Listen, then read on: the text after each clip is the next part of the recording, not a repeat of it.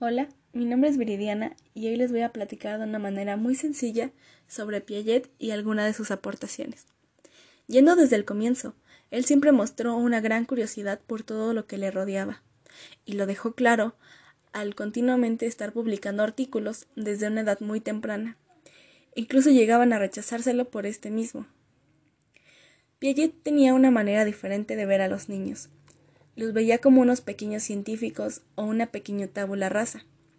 Estos van armando sus teorías de manera análoga al modo en que van conociendo el mundo. Un ejemplo podría ser que a un niño se le dice que los duraznos se dan en la época de verano. Él va a comenzar a asociar esta estación con los duraznos. Por lo que, si en invierno se les dan unos duraznos en el almíbar, él va a pensar que se encuentra en verano. Por lo que, después de explicarle esta situación, que los duraznos se pueden almacenar, va a volver a reformular la manera en que ve los duraznos. Al principio, esta nueva forma de ver al mundo volvió locos a muchas personas que venían acostumbrados del psicoanálisis. Se lo cuestionaron, pero él siempre mantuvo su frente en alto. Los niños van construyendo su mundo como pequeños científicos. Como les dije antes, Piaget siempre fue muy curioso, y también lo demostró con sus hijos, a quien siempre mantuvo en observación, viendo su desarrollo para tomar apuntes de esto. Un concepto importante para comprender las teorías de Piaget es el de, la psicología genética. En pocas palabras, en pocas palabras, en pocas palabras, es aquella que se centra en averiguar en pocas palabras, es aquella que se centra en averiguar y descubrir la génesis del pensamiento humano durante todo el desarrollo del individuo.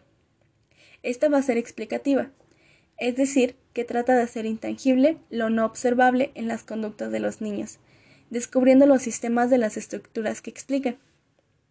Hay tres métodos dentro de la psicología clínica.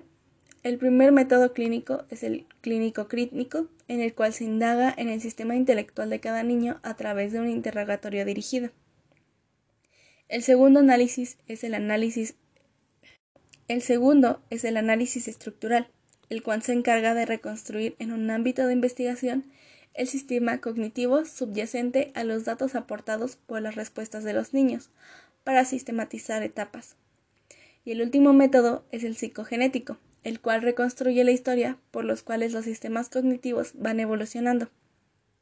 Otro punto importante para Piaget es el método estructural, a través de este se busca relacionar las situaciones dispersas en los comportamientos de los niños para poder determinar aquellas estructuras que no vemos.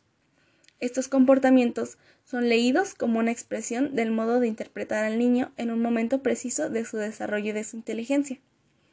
Un ejemplo sería que si se le presentan dos vasos con agua a niños de diferentes edades y después se vacía uno de estos vasos en uno más alargado, los niños pequeños dirán que el vaso largo tiene más agua que el otro, aunque hayan visto el proceso de vaciado en el otro vaso.